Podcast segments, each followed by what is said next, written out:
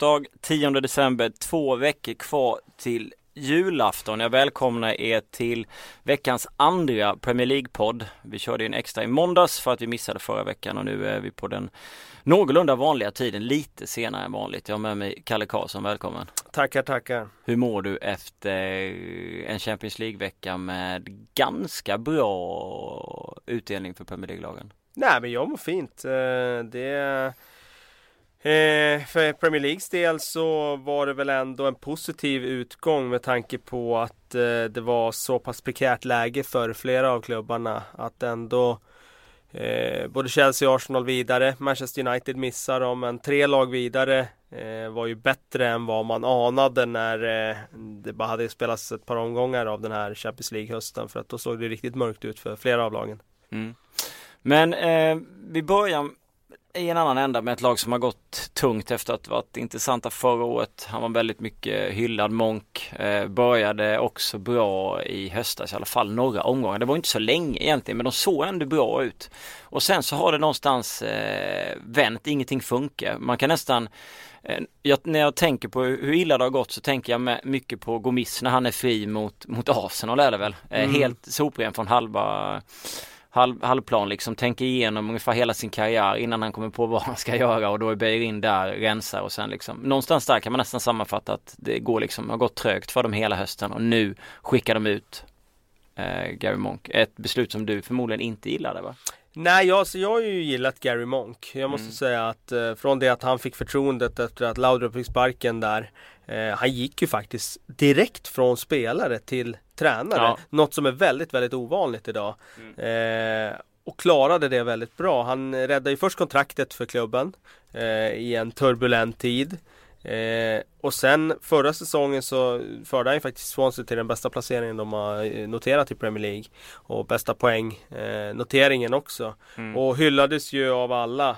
Och ehm, jag vet eh, Craig Bellamy som eh, till exempel gick samma tränarutbildning som Monk. Han har ju sagt att han är lite av one of a kind. Att han är en riktig tränartalang. Och det var ju det alla var överens om när Swansea radade upp eh, bra resultat och så inledde man säsongen på det sättet man gjorde nu. Det började ju med krysset där på Stamford Bridge som var väldigt imponerande. Ja, 2 -2, ja. eh, och sen fortsatte man ju med, med seger mot Newcastle. Man eh, kryssade borta mot Sunderland. Så vann man ju hemma mot Manchester United också i, i fjärde omgången. Och där och då var ju Monk glödhet. Det snackades ju till och med om eventuell nästa förbundskapten mm. och det var, det var stora uppdrag och, som kopplades samman med honom.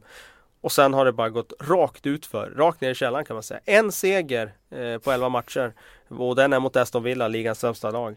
Eh, och vad som har hänt, det, det är svårt att egentligen att, att ringa in tycker jag. Eh, det som man kanske då kan se det är ju just det här med att man har inte någon som stoppar dit bollarna längre. Gomis gjorde mål i våras när han skulle ersätta Boni och eh, han gjorde mål i starten av den här säsongen.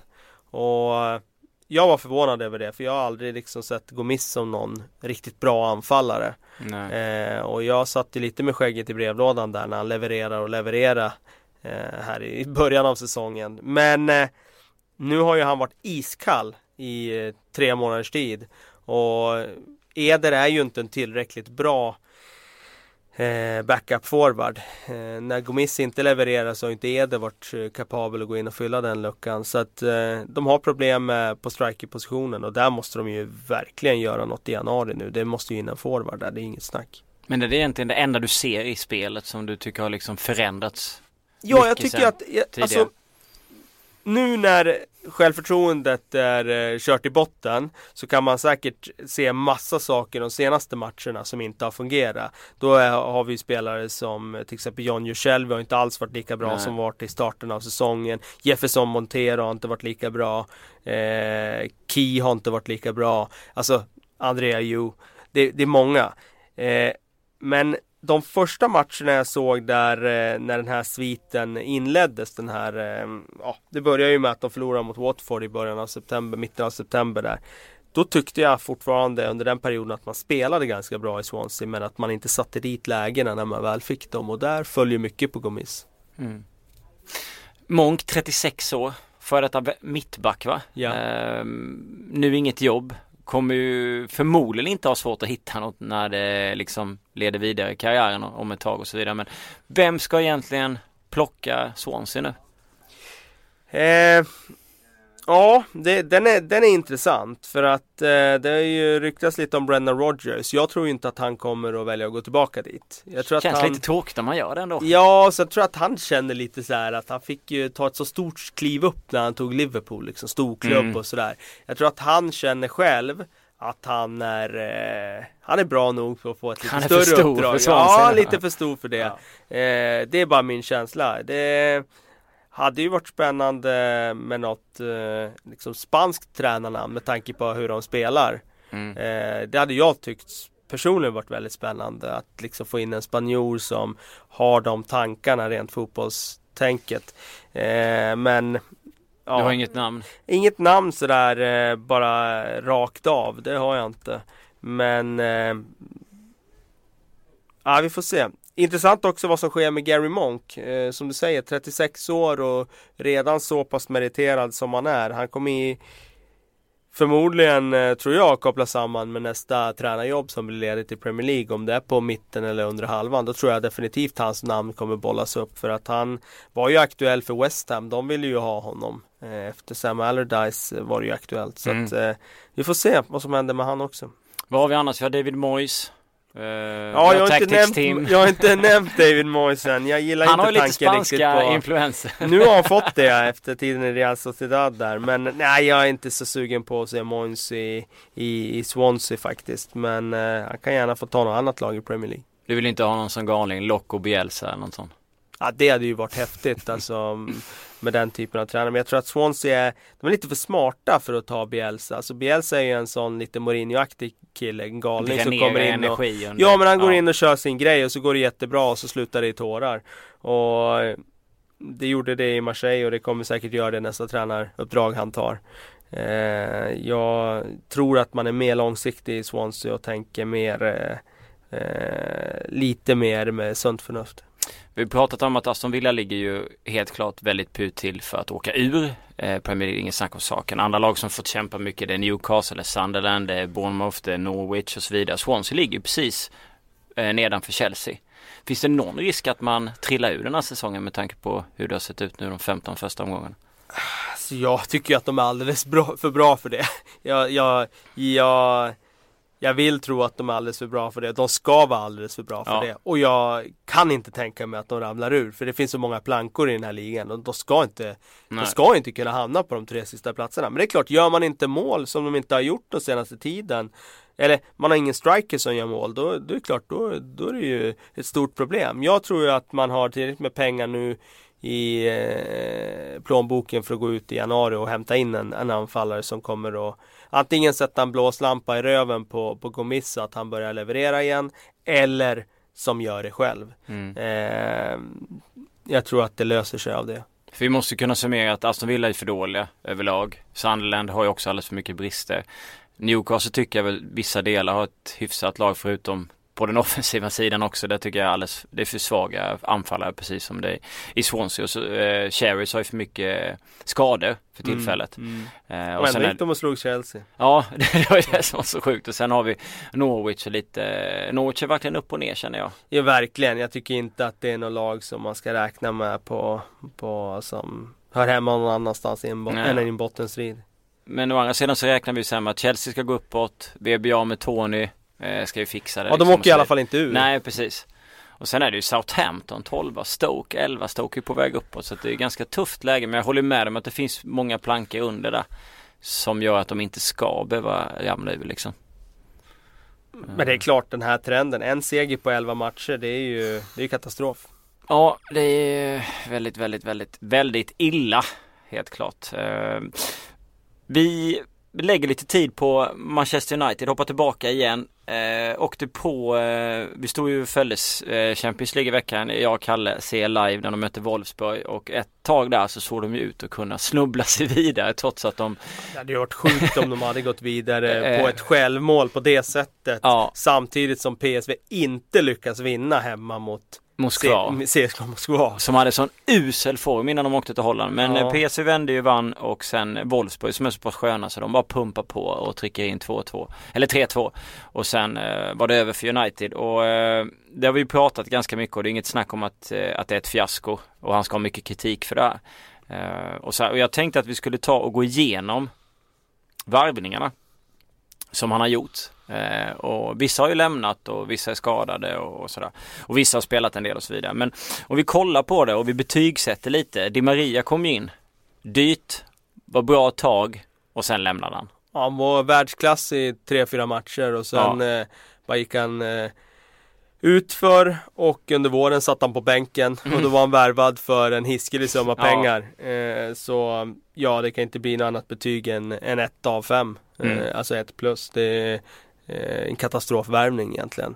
Mm. Eh, sen är det väldigt svårt att säga som utestående hur mycket man ska lägga på spelaren, hur man ska lägga på tränaren. Jag tror att det är mycket att lägga på tränaren faktiskt. Här. Att eh, van lyckades inte få ut och det som man borde ha fått ut av en världsspelare som Di Maria ändå är.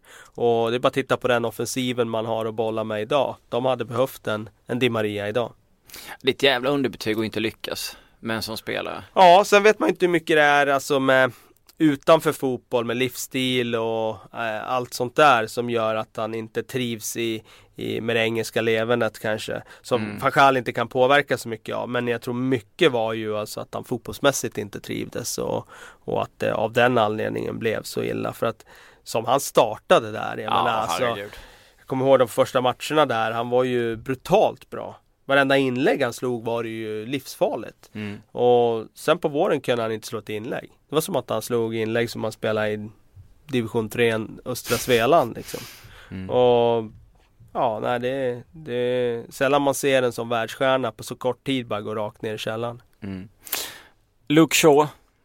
Eh, skadeproblem givetvis men det vi har sett av honom får vi väl ändå ge han ett, eh, ett godkänt betyg eller? Ja, ja absolut. Första säsongen blev ju en mellansäsong för honom eftersom eh, han kom till United, blev beskylld för att inte vara tillräckligt fit.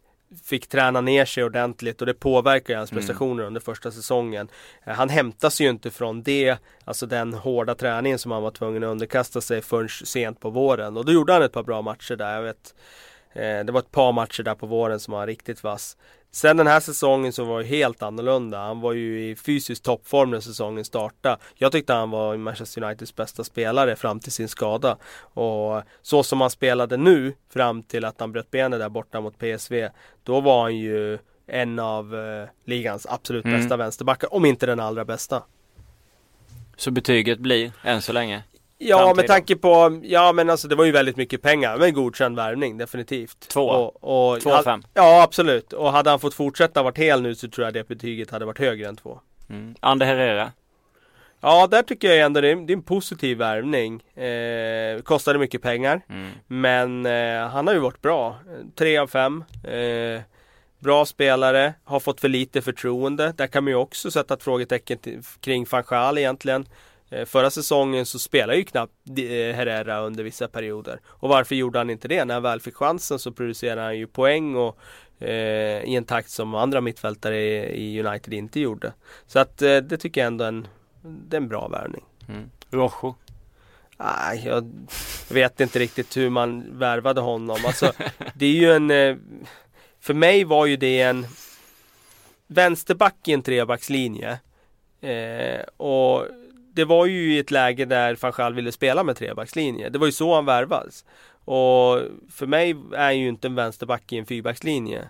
Och han är inte en mittback heller i en fyrbackslinje. Och det är där det blir ett problem när man inte ska spela det spelsystemet som van Gaal hade tänkt sig från början och så värvat en spelare som skulle passa in i det.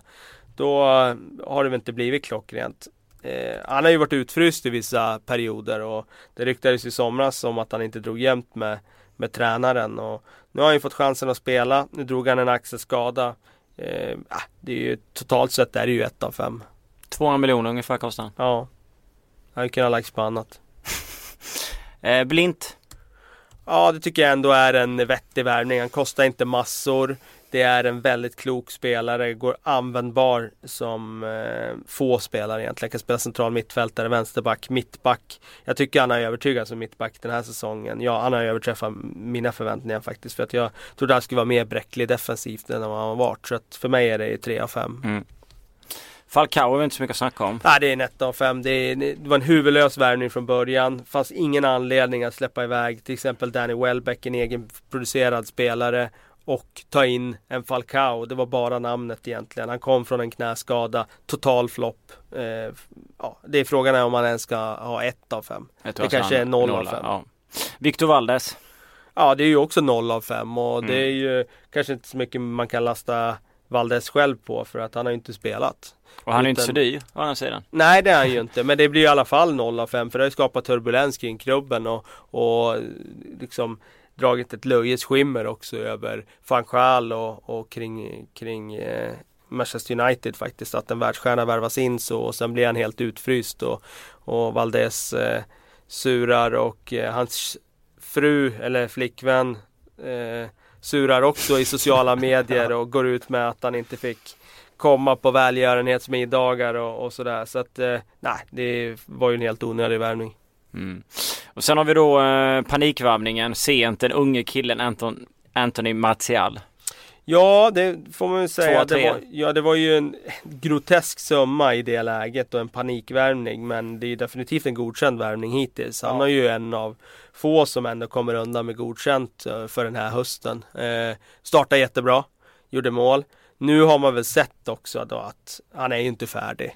Eh, då hade han ju kanske hållit i sin form lite längre. Han hamnade i en period där han dippade lite grann. Men nu gjorde han ett fint mål senast. Han har gjort, eh, ja, blir sex mål eller någonting. Det är klart godkänt för en 19-åring så att eh, det är en bra värvning på sikt. Så två eller tre. Man tänker lite om, tänk om han hade kommit i läget där Chicarito kom under Sir Alex Ferguson. Precis. Då hade han ju kunnat vara en jättesuccé. Ja, då hade han kunnat vara en femma. Alltså ja. om han hade fått eh, matchas in lite försiktigt, spela i rätt matcher, inte bära offensiven så att han ska ta hela ansvaret för hela målproduktionen. Utan liksom att de hade haft en världsklassforward där framme. En Rooney som han var för sex år sedan. Ja mm. men då hade det ju varit helt annorlunda. Mm. Eh, då hade det säkert varit perfekt att få in en Martial. Nu har det ju varit bra ändå för att han är som sagt, han är ju mm. ändå en av få som, som kan få saker att hända där framme. Men ja, eh, det blir lite för stort ansvar att lägga på en 19-årings axlar att bära en klubb som Manchester United. Romero?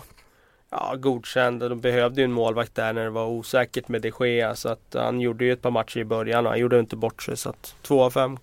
Damian? Ja, besvikelse nu sen, hösten här. Han börjar ju väldigt bra. Men jag tyckte han, sen han blev petad där, han gjorde ju en katastrofal insats där mot, eh, eller katastrofal som inte säga. Han gjorde en väldigt svag insats borta mot Arsenal och förlorade med 3-0 och efter det har han inte hämtat sig egentligen. Och sen dess har hans form bara fortsatt utför och jag tycker man ser tyvärr brister i Uniteds spel när man inte får fram offensiva ytterbackar. Det var annorlunda när Luke Shaw spelade i början av säsongen. Han kunde göra en spelare få någonting att hända. Eh, Darmian har inte den förmågan. Han är mer solid defensiv. Men nu när han inte har det självförtro för, självförtroende, då är han inte solid defensiv heller. Och då, då tycker jag inte han tillför någonting. Mellan 1 och 2 eller? Ja, just nu är ju det mellan 1 och 2. Eh, sen får vi se om han hittar tillbaka till den formen han i början av säsongen. Det borde han väl kunna göra. Vi har Morgan Schneiderlin. Ja, två tycker jag. Mycket pengar. Men eh, mellan två och tre skulle jag säga. Det, det var ju ändå en vettig värvning med tanke på att Carrick inte kommer att eh, hålla hur länge som helst. Så han har ju visat tecken Carrick på att hans kurva pekar rätt rejält utför. Så det var väl en okej okay värvning tycker jag med Schneiderlin. Mycket pengar men det är också en eh, spelare som jag tror att de kommer ha nytta av framöver.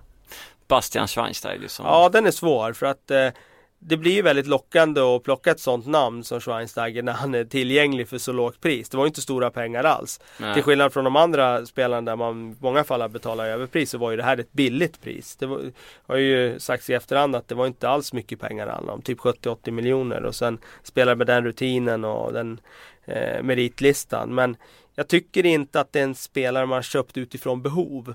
Man har köpt han utifrån namn mm. och då är det en annan sak. Jag tycker inte att han, jag tycker att han eh, tyvärr så drar han ner på tempot i ett lag som behöver tempo.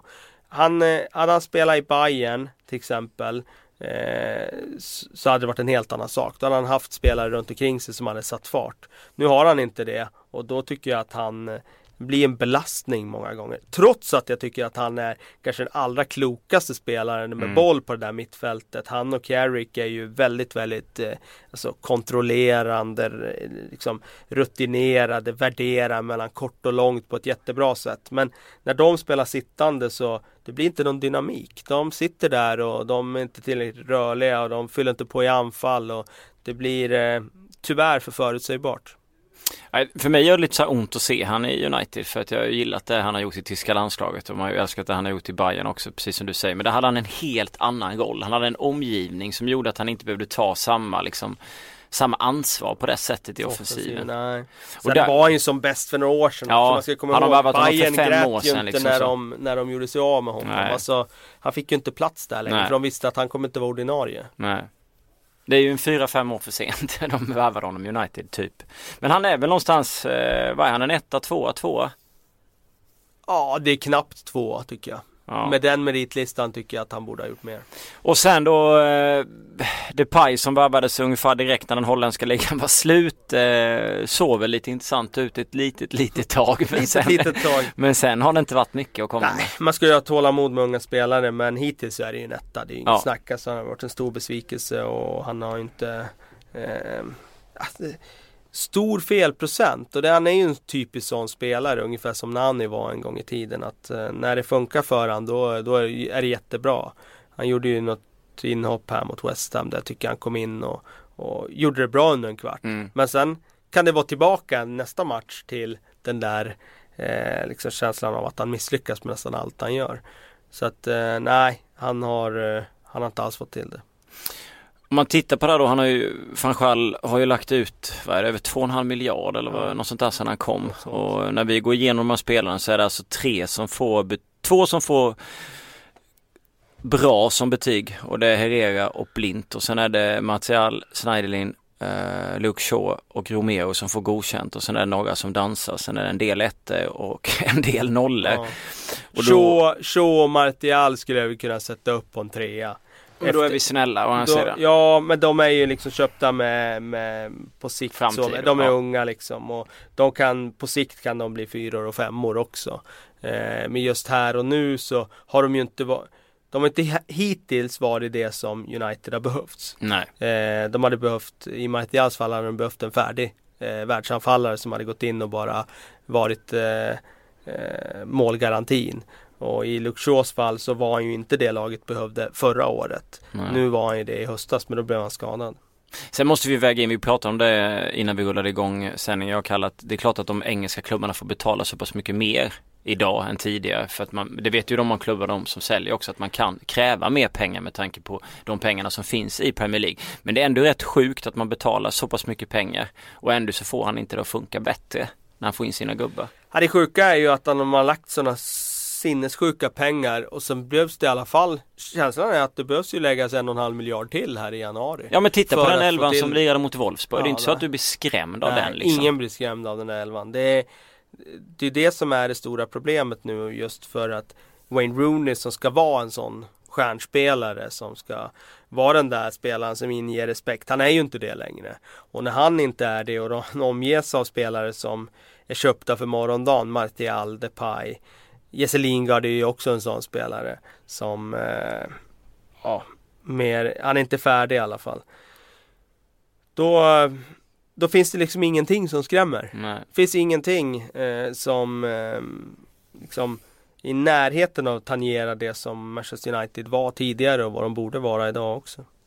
Men borde inte fan själv få uh, smäll för det här till slut? Borde inte han alltså om det håller på så här, alltså då kan inte han sitta kvar och gratta United nästa säsong. Jag kan inte se det liksom. Inte jag heller. Eh, han har ju ett kontrakt, år kvar på kontraktet efter det här året. Ehm, eh, men fortsätter det här så kan jag inte se honom eh, få förnyat förtroende. Det har varit för mycket eh, för mycket som inte har stämt. Hade det funnits tecken på att laget utvecklas i rätt riktning, ja men då tror jag att klubben hade, hade haft tålamod med honom. Men det är ju snarare tvärtom. Från våren fram till nu så har det ju gått eh, ganska många steg tillbaka. Och att man har gått så snett på så många eh, nyförvärv som man inte har lyckats få effekt på. Det, det tror jag talar mm, starkt emot honom. Den tråkiga eh, stereotypa fotbollen man presterar mm. kommer att tala enormt mycket emot honom. För att eh, Manchester United har ju ett, eh, liksom, de är en världsomspännande klubb som har fans i alla delar av världen och eh, blir det den här känslan av att eh, eh, fansen inte gillar sitt lag längre då, då tror jag att eh, det blir tufft att det blir tufft för ägarna då att stå emot om det börjar bli eh, otålighet i supportleden. Det, han, alltså det är sån riskminimering i hans spel. Vi har ju vi har pratat om det så pass många gånger när vi har tittat på United under CL och så vidare. Att, alltså det här passningsspelet med att inte ta några som helst risker liksom överhuvudtaget. Och fotbollen blir så otroligt tråkig att titta på. Verkligen och det som är intressant man kan resonera kring det det är ju nu mot Wolfsburg så Det var ju en match där de skapade rätt mycket lägen till ja, slut. Ja. Och då spelar de ju lite annorlunda. Men då blev ju å andra sidan försvarsspelet lidande. Liksom. Ja precis, ja. så då kan man ju fundera över, är de inte tillräckligt bra för att kunna göra både och? Och mitt svar på den frågan är ganska enkelt. Nej, de är nej. inte tillräckligt bra. Finns de är inte, balansen. nej, och de är inte eh, jag tror att man får välja eh, i Manchester United i år. Ska man vara säkra bakåt, ja då kommer det påverka offensiven. Ska man vara bra offensivt, då kommer det eh, istället påverka defensiven. Han har skickat iväg ett par gubbar. Di Maria skickade han ju iväg som inte funkade. Eh, och det är ju en bra fotbollsspelare. Han funkar ju i PSG. Det är inga konstigheter. Han skickar iväg RVP ner till eh, Turkiet, Fenerbahce. Har ju sett sådär nöjd ut när han har suttit där nere och blivit en fem, fem ligamål. Ingen succé med fem ligamål är ju fler än vad Rooney har gjort. Och sen så skickar han ju iväg Chicarito till Tyskland och han har ju fullkomligt öst in mål där. Ja, Alltså jag hävdar ju att Chicarito han kommer göra mål var han än spelar om man får förtroendet och i rätt miljö liksom bara får hugga i boxen. Eh, hade inte han passat till United nu eller? Med de här eh, killarna bredvid, unga Jo, det tror jag att han hade kunnat göra. Det tror jag att han hade kunnat göra. Han hade gjort sina mål. Sen tycker jag inte att han är en tillräckligt bra round forward för Nej. att spela i en klubb som ska eh, vinna ligatitlar och, och, så vidare. Det tycker jag inte. Eh, skulle nog också passa bättre i tvåmannaanfall. Är min känsla. Så att, äh, jag vet inte Chicarito så. Men äh, det är klart att det var en tacksam backup både i Manchester United och i Real Madrid att ta på bänken, kunna slänga in så. Det är bättre att ha, än ha Fellaini med no touch längst Ja, men Martial eh, tycker jag nog är vassare än ja. vad Chicarito är. Trots att hans målsnitt eh, i Tyskland nu ser väldigt bra ut. Om du skulle betygsätta Fanchal, vad skulle du ge han för betyg? Äh, nu är det ju ett av fem. Eh, jag tyckte att hans första säsong var positiv i den bemärkelsen att han tog över ett lag i en väldigt svår stund. Eh, det var trauma året med David Moyes där hela klubben eh, egentligen, eh, levde ju det här post Sir Alex traumat. Och eh, han behövde bygga om truppen, han byggde om truppen. Till slut hittade han ett vägvinnande spel.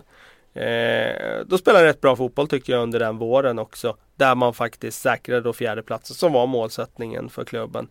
Eh, under det här året så har han ju raserat det mesta tycker jag.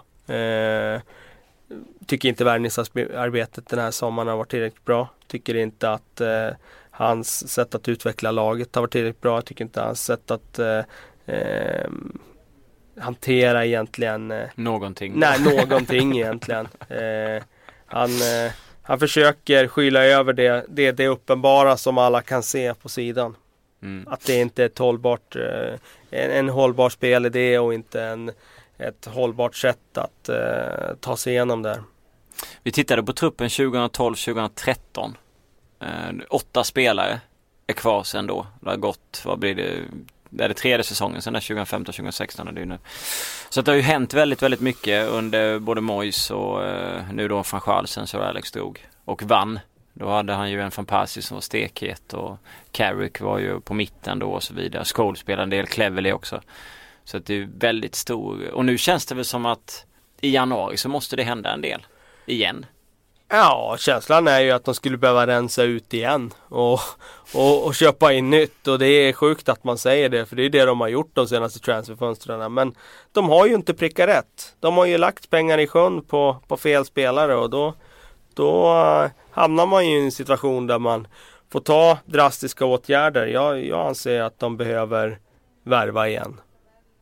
Jag fick eh, fråga från Dan Sandberg, så jag ska ändå ta den nu när vi ändå är i ämnet. Tror du att de kommer ta Europa League? Quality sleep is essential for boosting energy, recovery and well-being. So, take your sleep to the next level with Sleep Number. With a Sleep Number smart bed, you can individualize your comfort level and enjoy a better sleep night after night. JD Power ranks Sleep Number number 1 in customer satisfaction with mattresses purchased in-store. And now the Queen Sleep Number C4 smart bed is only $1,599, a saving of $300 only for a limited time. For JD Power 2023 award information, visit jdpower.com/awards. Only at Sleep Number stores or sleepnumber.com. På allvar? Nej, det tror jag inte. Nej, det är inte så att han tänker att jag kan ta en titel där och så? Nej, det tror jag inte. Utan jag tror att eh, ligan kommer vara högsta prioritet. Jag tror att eh, eh, klubben kommer att kräva det. Säkra Champions League-spel. Jag menar, skulle man prioritera Europa League, missa fjärdeplatsen och så går man till final i Europa League och, och inte vinner, ja då, då står man utanför Champions League. Och, eh, nej, jag, historiskt sett har inte engelska klubbar prioriterat Europa League och jag tror inte att det är någon skillnad i år. Jag tror vi kommer få se samma typ av prioritering från de här engelska klubbarna som som vi har sett tidigare, det vill säga Liverpool och Tottenham och Manchester United. De kommer att satsa på att ta en plats bland de fyra första i ligan för det är det som eh, är mest ekonomiskt försvarbart. Mm. Swansea har haft det lite tufft kan man lugnt säga. Det var vi inne på. Det väldigt, väldigt tufft. Southampton har uh, gått lite, uh, lite uh, vad ska man säga, lite upp och ner på slutet. Nu har det varit tre raka utan vinst tror jag va? Två torsk och ett kryss. En rejäl smäll mot, uh, nu har jag tappat namnet. Ja, i kuppen mot ja, Liverpool ja, var det ju en rejäl smäll. Det var en riktig jävla smäll. Och vad är det som händer där tycker du? Nu på slutet om du ser till hur det har varit tidigare? Jag vet inte. Jag har inte följt SA-15 supernoga senaste veckorna. Så att jag kan säga liksom att det är det eller det.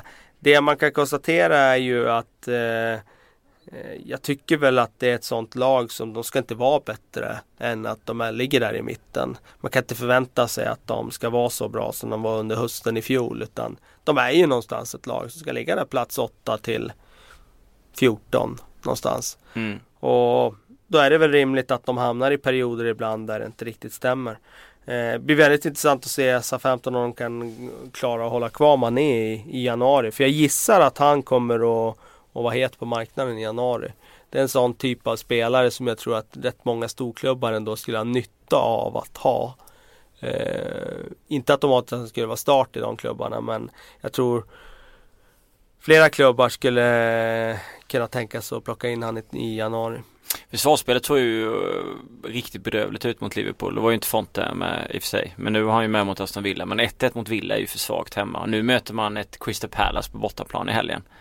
Eh, som såg intressanta ut mot Everton och har sett bra ut under hösten. Så det mm. känns som att det är en ganska jobbig period för Southampton. Ja, sen har man Tottenham och sen har man Arsenal ja. efter det. Eh, så att eh, de har ju de har riktigt tuffa matcher nu fram till nyår. Så är de West Ham borta efter Arsenal där. Mm. Så att, eh, ja. Men eh, de, de kommer ju ligga där i mitten. Alltså de är inte tillräckligt eh, bra för att slåss uppåt och de är inte tillräckligt dåliga för att behöva vara oroliga neråt heller. Så att, eh, ja. De kommer väl vara fortsättningsvis som de har varit under den här säsongen. Ibland går det väldigt bra, ibland så kommer de in lite tyngre perioder. De får väl hoppas att Graziano Pelle kommer in i den här situationen. Han gör mål i en 4-5-6 raka matcher och sen liksom Ja, han hade ju, var det inte förra året han började extremt bra? Jo, han började extremt bra eh, förra året. Sen kom han igång lite på slutet igen, i slutet av säsongen i fjol. Eh, och så började han ju hyfsat bra den här säsongen. Eh, och sen, eh, nu har han inte gjort mål sedan första november faktiskt. Man såg Everton i måndags mot Crystal Palace. Vi har pratat om Everton tidigare, fantastiska spelare. Eh, och så man känner, vad fan borde inte de börja verkligen klättra och kunna vara med och slåss om, om en CL-plats? Med det laget de har. Jo, det, det tycker jag. Ja. Nu eh, är det faktiskt en sån säsong som ska Everton ta en Champions League-plats ja, någon gång, då är det nu. Ja. För att eh, det finns så eh, många lag som underpresterar där i toppen. Jag tycker inte att deras elva är sämre än de andra topplagen. Inte om man kollar på United Nej, nej men om du tittar, det spelar ingen roll, Manchester United, Tottenham, Tottenham. Liverpool. Eh, tycker inte att eh, Evertons sämre, eller elva är eh, nämnvärt sämre. Och nu när de fått in eh, Barkley, Lukaku i zonen. Delofeo en joker. Mm. Baines kommer tillbaka mm. nu kan vara ytterligare en joker även om Galloway har gjort det jättebra hittills. Eh, det är mm, Stones, eh, sådär spelare som han liksom utvecklas ju fortfarande så att eh, det, jag håller inte som otroligt att Everton tar en, en plats bland de fyra första. De skulle ju haft tre poäng i en väldigt eh, underhållande match mot Crystal Palace tycker jag. Sen släpper de in ett målskott där Nick in på fast men jag tyckte väl att de förtjänade tre där. De ja, hade de, hade de tagit den då hade de ju skuggat till toppen. Ja. Alltså fjärdeplatsen, det hade inte varit så långt upp då. Eh, det där tyckte jag var, det var två bortkastade poäng i, i den fighten. Så att, eh, det hade varit, då hade det varit fem poäng upp till Manchester United på fjärdeplatsen i nuläget då. Och ja, jag tycker att eh, Everton har rätt att drömma. Mm. Sen är det klart att det, det, ska mycket till om de ska ta en fjärde plats ändå. Men eh, jag tycker deras chans att ta det, det är, det är större nu än vad det någonsin har varit. Sen den där säsongen 2004-2005 när man tog den. Mm. Palace, Crystal Palace, tre poäng bakom en CL-plats. Inte en chans att de fixar det. I långa loppet, eller? Nej, det kan jag inte se. Eh, då tror jag mer på Everton än vad jag tror på Palace. Mm. Palace eh, är bra. Men eh, jag är ju alltid tveksam när Conor Wickham startar längst fram. Jag tycker inte att han är eh, tillräckligt bra för att vara striker i ett lag som ska aspirera uppåt. Tycker jag att det finns ett hål i deras trupp där. Eh, jag tycker att eh, ska de utvecklas så bör de ha en bättre striker än, än Conor Wickham. Tycker väl kanske också att det finns utrymme för någon uppgradering på ytterback också. Joel Ward, Soare, jag vet inte. Okej, okay, men de är inte kanske sådana spelare som, som ska tillhöra ett lag som ska slåss uppåt i tabellen. Nej. Det ska bli intressant i januari för det brukar alltid vara någon klubb också som kliver in och värvar ganska klokt för att just att Premier League-klubbarna har så pass mycket pengar så man kan plocka från Tyskland, man kan plocka från Frankrike, man kan plocka från Spanien och man kan plocka bra spelare. Verkligen, det har man ju sett att de har gjort tidigare från Italien och så vidare. Eh, om det är någon som lyckas verkligen under januari, då vet man inte riktigt vad som händer om man tar fart. Eh, Everton å andra sidan, om man tittar på det laget så behöver man ju egentligen inte plocka in sådär jättemycket. Eller? Nej, det tycker jag inte. De har en bred trupp och jag menar bara, bara kolla på deras vänsterbacksituation. De har ju eh, Baines, Galloway och så har du ju Oviedo där i bakgrunden också. Garbot har du ju också som fjärde alternativ. Nej, jag tycker de har en riktigt bra trupp och jag menar bara att sådana här spelare som Lennon, han är inte start. Naismith. Eh, alltså Naismith är inte start. Det är PNR är långt ifrån. Besic är långt ifrån. Cleverly är inte given. Darren Gibson har i bakgrunden. Nej, jag tycker de har en tycker de har en bra trupp. Jag tycker inte det behövs något sådär solklart där. Det jag pekar på inför säsongen det var att de skulle värva en ny målvakt. Mm. För där tycker jag inte kanske att Howard har eh, övertygat så mycket senaste ett och ett halvt åren. Han känns lite, jag vet inte, han, han känns lite eh, Hawaii i sitt positionsspel ibland. ibland går han ut väldigt långt kan jag tycka och tar lite halvdana beslut. Mm. Um, känns inte alls lika, riktigt lika het som han var kanske, var det före För VM? Två, två tre ja, år sedan. Ja. ja, något sånt liksom. Eh, Pärla så väntar jag ju på att se om eh, om det bara var en lyckoträff för Padio under, under våren förra året. Jag vet ju hur han har varit i, under tiden i Newcastle på vårsäsongen. Det har inte varit så trevligt att se överhuvudtaget. Ja, men det, jag, jag känner också att det ska bli otroligt spännande att se hur det går här nu. Om Everton kan fortsätta, Liverpool för sin del, kommer Klopp kunna ha ett jämnare Liverpool eller kommer det vara de här upp och ner, den här dalen?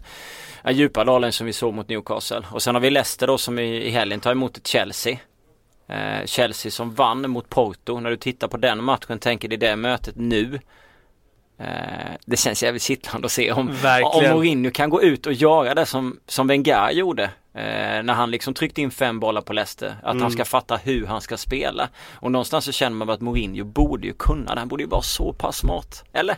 Ja, alltså jag kan ju aldrig tänka mig att Mourinho kommer tillåta Leicester att Nej kontringsspela till exempel. Jag tror att han kommer att vara väldigt, väldigt strikt med det och verkligen slå fast att Leicester ska inte få en enda kontring här mot osamlat försvar. För de vet ju att alla lag vet ju att det är deras främsta anfallsvapen. Så att eh, jag tror att Mourinho mycket väl är kapabel att, att plocka den matchen och mm. göra det som andra inte har lyckats göra mot Leicester. Kan det vända nu? På allvar? jag tror inte att det vänder på allvar. Om du med det menar att nu kommer Chelsea plötsligt se ut som de gjorde förra hösten. Mm. Det tror jag inte. Men eh, jag tror att eh, alltså det är en boost att de går vidare i Champions League. Men jag tror att, jag tror att de kommer hacka i ligan fortsättningsvis också, tyvärr. De kommer bara vinna fler matcher. Har förlorat över 50% nu än så länge. Det är i sig bara sjukt. Ja, det är, det är också sjukt. Men det som är problemet för Mourinho eh, i hans fall. Det är att han eh, Tyvärr tror jag inte han har spelarna riktigt med sig. Alla Nej. i den gruppen. Nu satt Fabregas på bänken. Eh, det var ju spekulationer här i höstas om att han var den här spelaren som skapade oro eh, och uppror. Eh, nu sitter han på bänken. Det finns andra spelare där. Det var för mycket som pyrde under ytan här för någon månad sedan som kom ut från som, som vittnade om att det var, allt stod inte riktigt rätt till där. Hade man tjänat mer på att gå ut och gå till bot- eller gå ut och gå till botten med en typ av sån grej som Mourinho. Om han hade blottat sig, hade han kunnat göra det som tränare och diskuterade med att vi har haft de här problemen, nu är de lösta. Alltså hade, Nej, det är helt jag tror inte det. Jag tror inte det. Jag tror, det lika, jag tror han agerar rätt där. Han har lagt locket på liksom inte ens eh, eh, kommenterat det på det sättet. Så att eh, nej, det tror jag inte.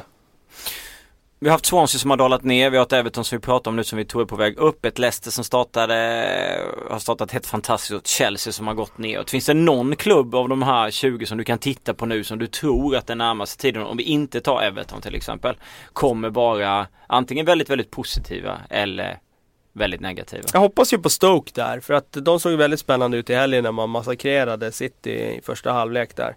Och får de spela med den här frontfyran där som eh, Eh, Eh, de gjorde i helgen. Då tycker jag det finns anledning att tro att eh, de är på väg att bygga något intressant där.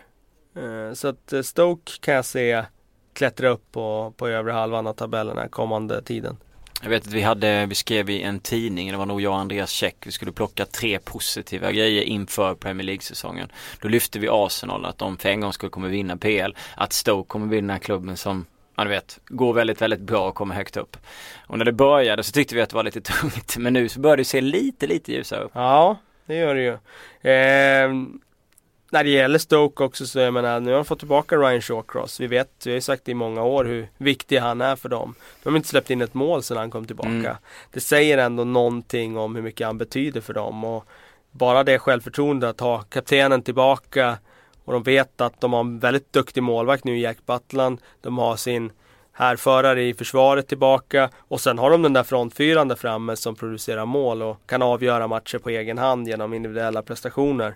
Det känns som att Stoke har, lagt, eller har en bra grund nu för att verkligen göra bra resultat. Mm, det känns ju som att balansen finns där mer nu än när man började plocka ihop laget så har man lite svårt att se det men nu så verkar det som att nu känns det klart bättre. Och så möter man ett West Ham som går mer och mer knackigt på slutet. West Ham har ju otur där med skadorna. Ja. Eh, jag lider med Slaven Bilic för det hade varit så spännande att se vad han hade kunnat prestera. Om Paille hade kunnat få varit mm. het, om Lanzini hade kunnat varit, varit hel också liksom.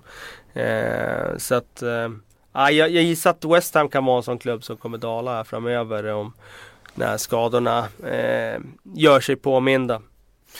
Vi ska ta lite frågor, eller ganska många frågor tänkte jag. Men vad tittar du på för matcher i helgen som du absolut inte vill missa?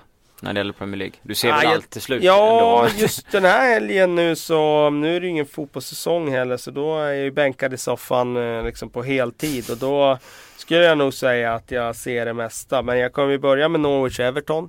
Eh, det tycker jag är en intressant match med tanke på vilken bra form Everton har. Vilken bra form de har på sina offensiva spelare. Jag kommer gå vidare på Manchester City Swansea.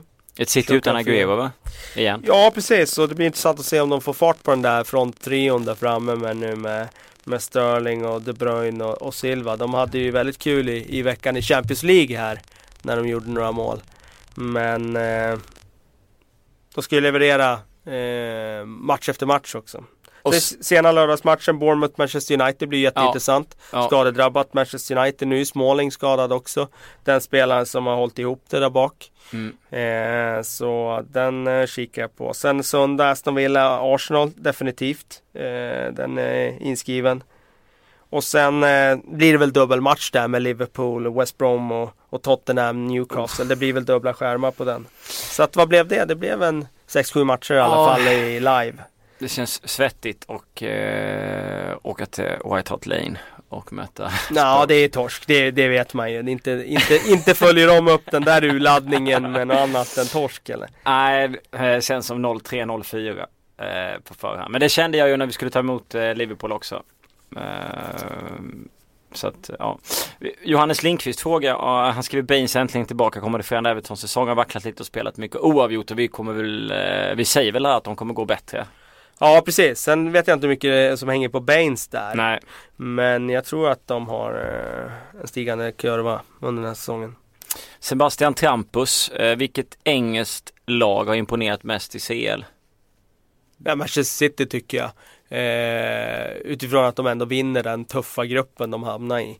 Så att, eh, Stark vändning mot Ja, precis det också. Så nej, City tycker jag nog ändå. Tycker också de gjorde en väldigt imponerande insats borta mot Sevilla i Champions League. Där. Ja, den var riktigt bra. Niklas Nerby, Kalle och van Schaal byter lag. Vem lyckas bäst?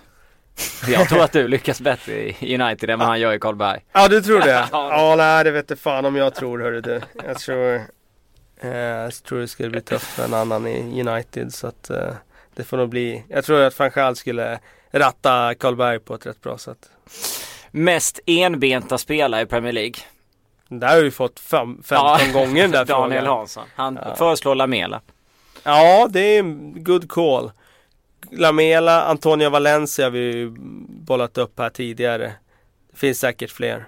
Ja. Eh, vem är största mörkret i ljuset i ett lag och tvärtom mot ljuset i mörkret i ett lag.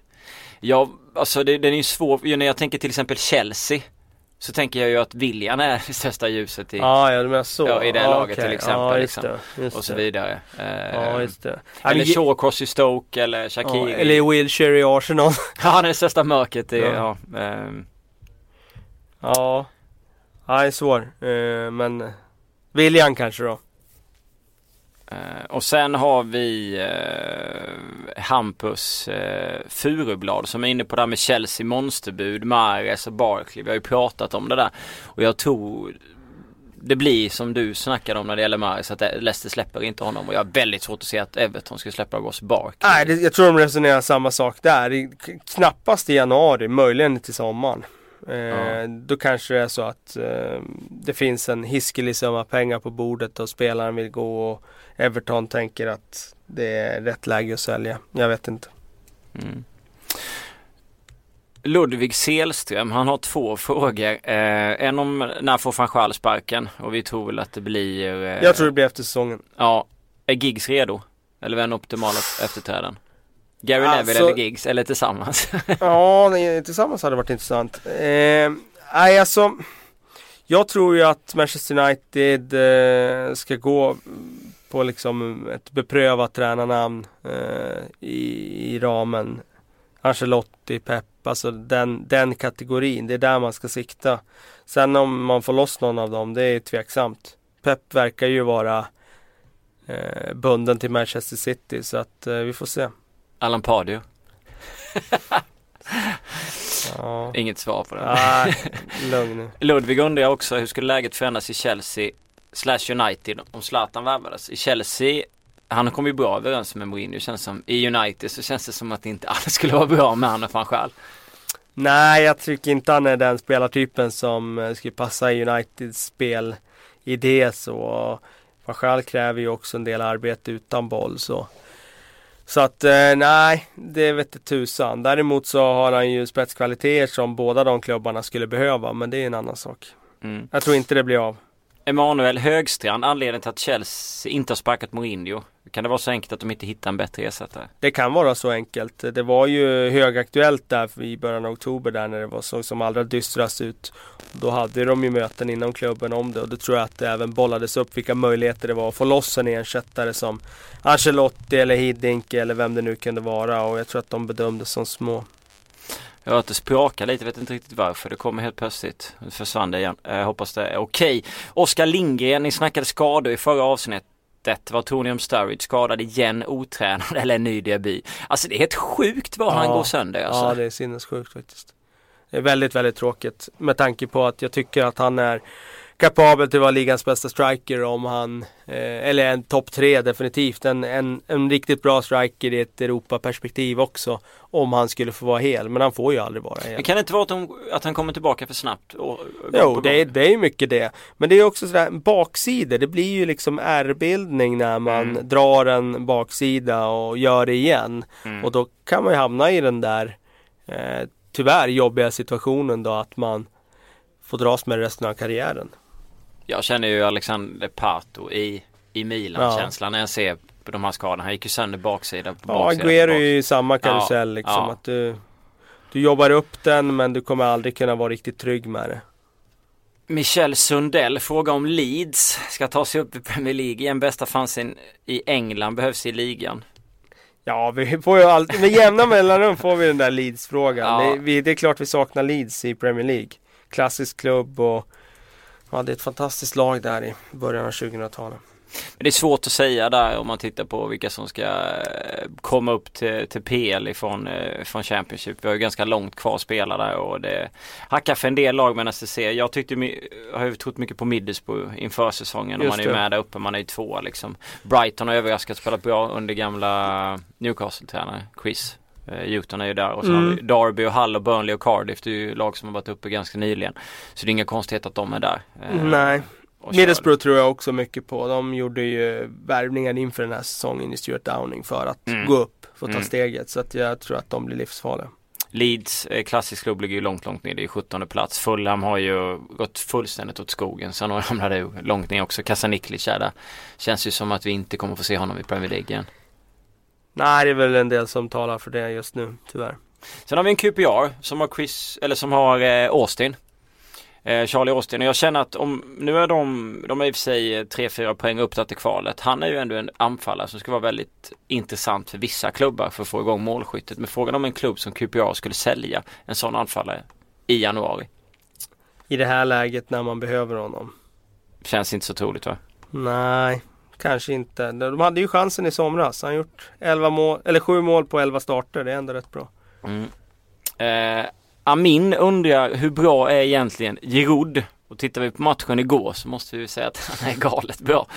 Eh, men jag vet inte vad vi skulle ge honom i betyg. Det skulle jag nog inte säga även ja, om jag just... såg matchen igår. Alltså, han är ju han är en bra anfallare men han är ju inte en första klassens anfallare Nej. som eh, liksom eh, en av de bästa på något sätt i, i ligan eller så. Det tycker jag inte att han är utan han är ju en bit ifrån en Agüero. Han är en bit ifrån mm. en, en hel Daniel Sturridge också för den delen. Ja, absolut. Eh, han, eh, han har vissa brister i sitt spel. Han erbjuder inte alla dimensioner som anfallare. Till exempel djupledsspel.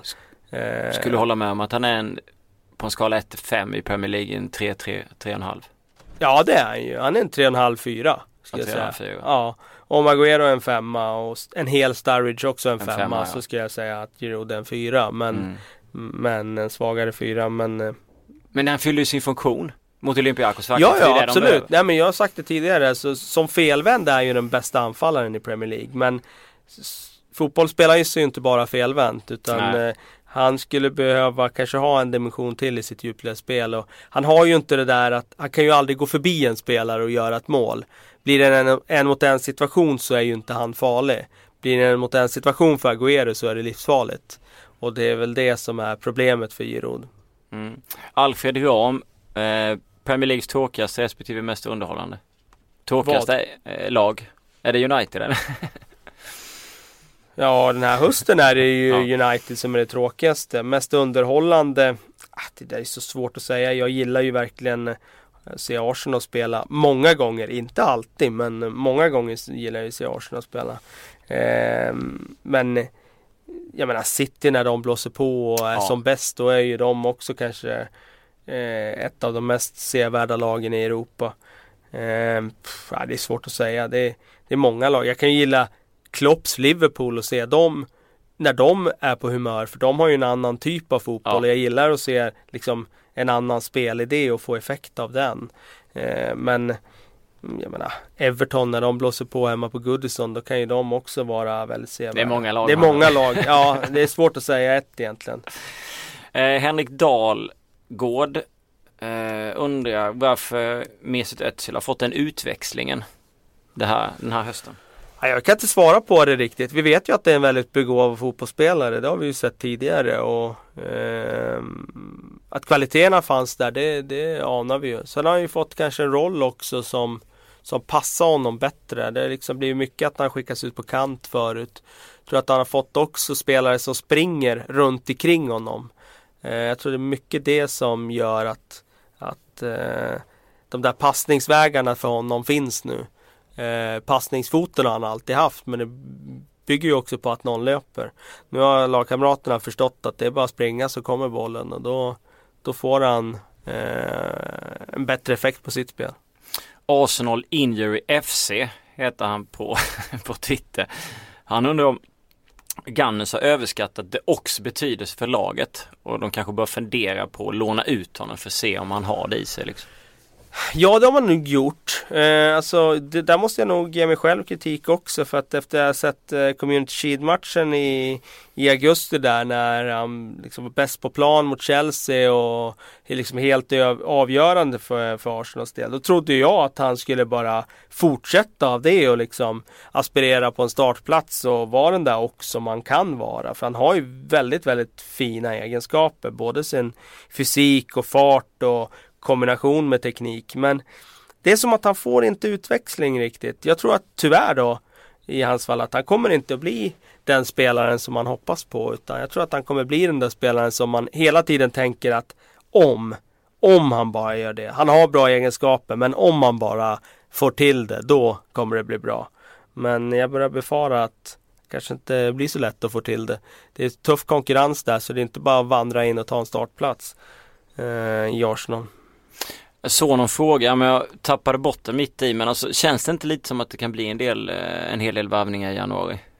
Eh, från Premier League-klubben. Ibland kan man säga att det kan vara ganska lugnt, men just när det har varit den säsongen som det har varit. Eller tänker man att man ska få tillbaka sina skadade spelare så man sitter lugnt i båten? Vad är dina tankar?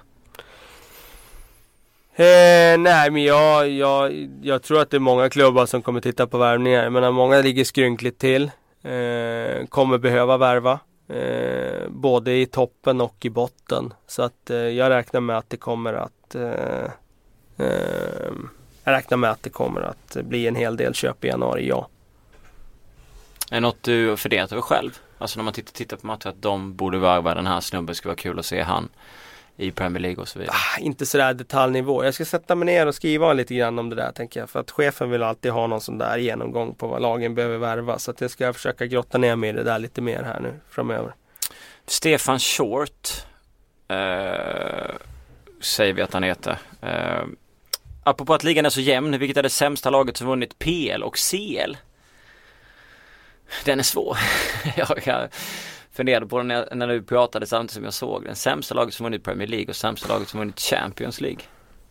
Ja du. Ja den är jättesvår. Kanske en sån fråga som vi måste eh, skjuta på till eh, nästa vecka. Sämsta laget som har vunnit CL. Ja.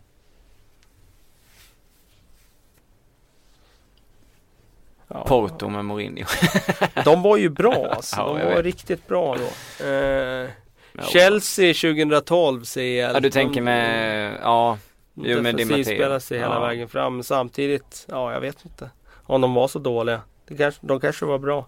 Som knäckte alla lagen på det sättet. Nej, det är svårt att säga alltså. The Swedish Gooner undrar om Arsenals, det är Arsenal som ställer sig upp mot Olympiakos är tillräckligt bra för att vinna Premier League.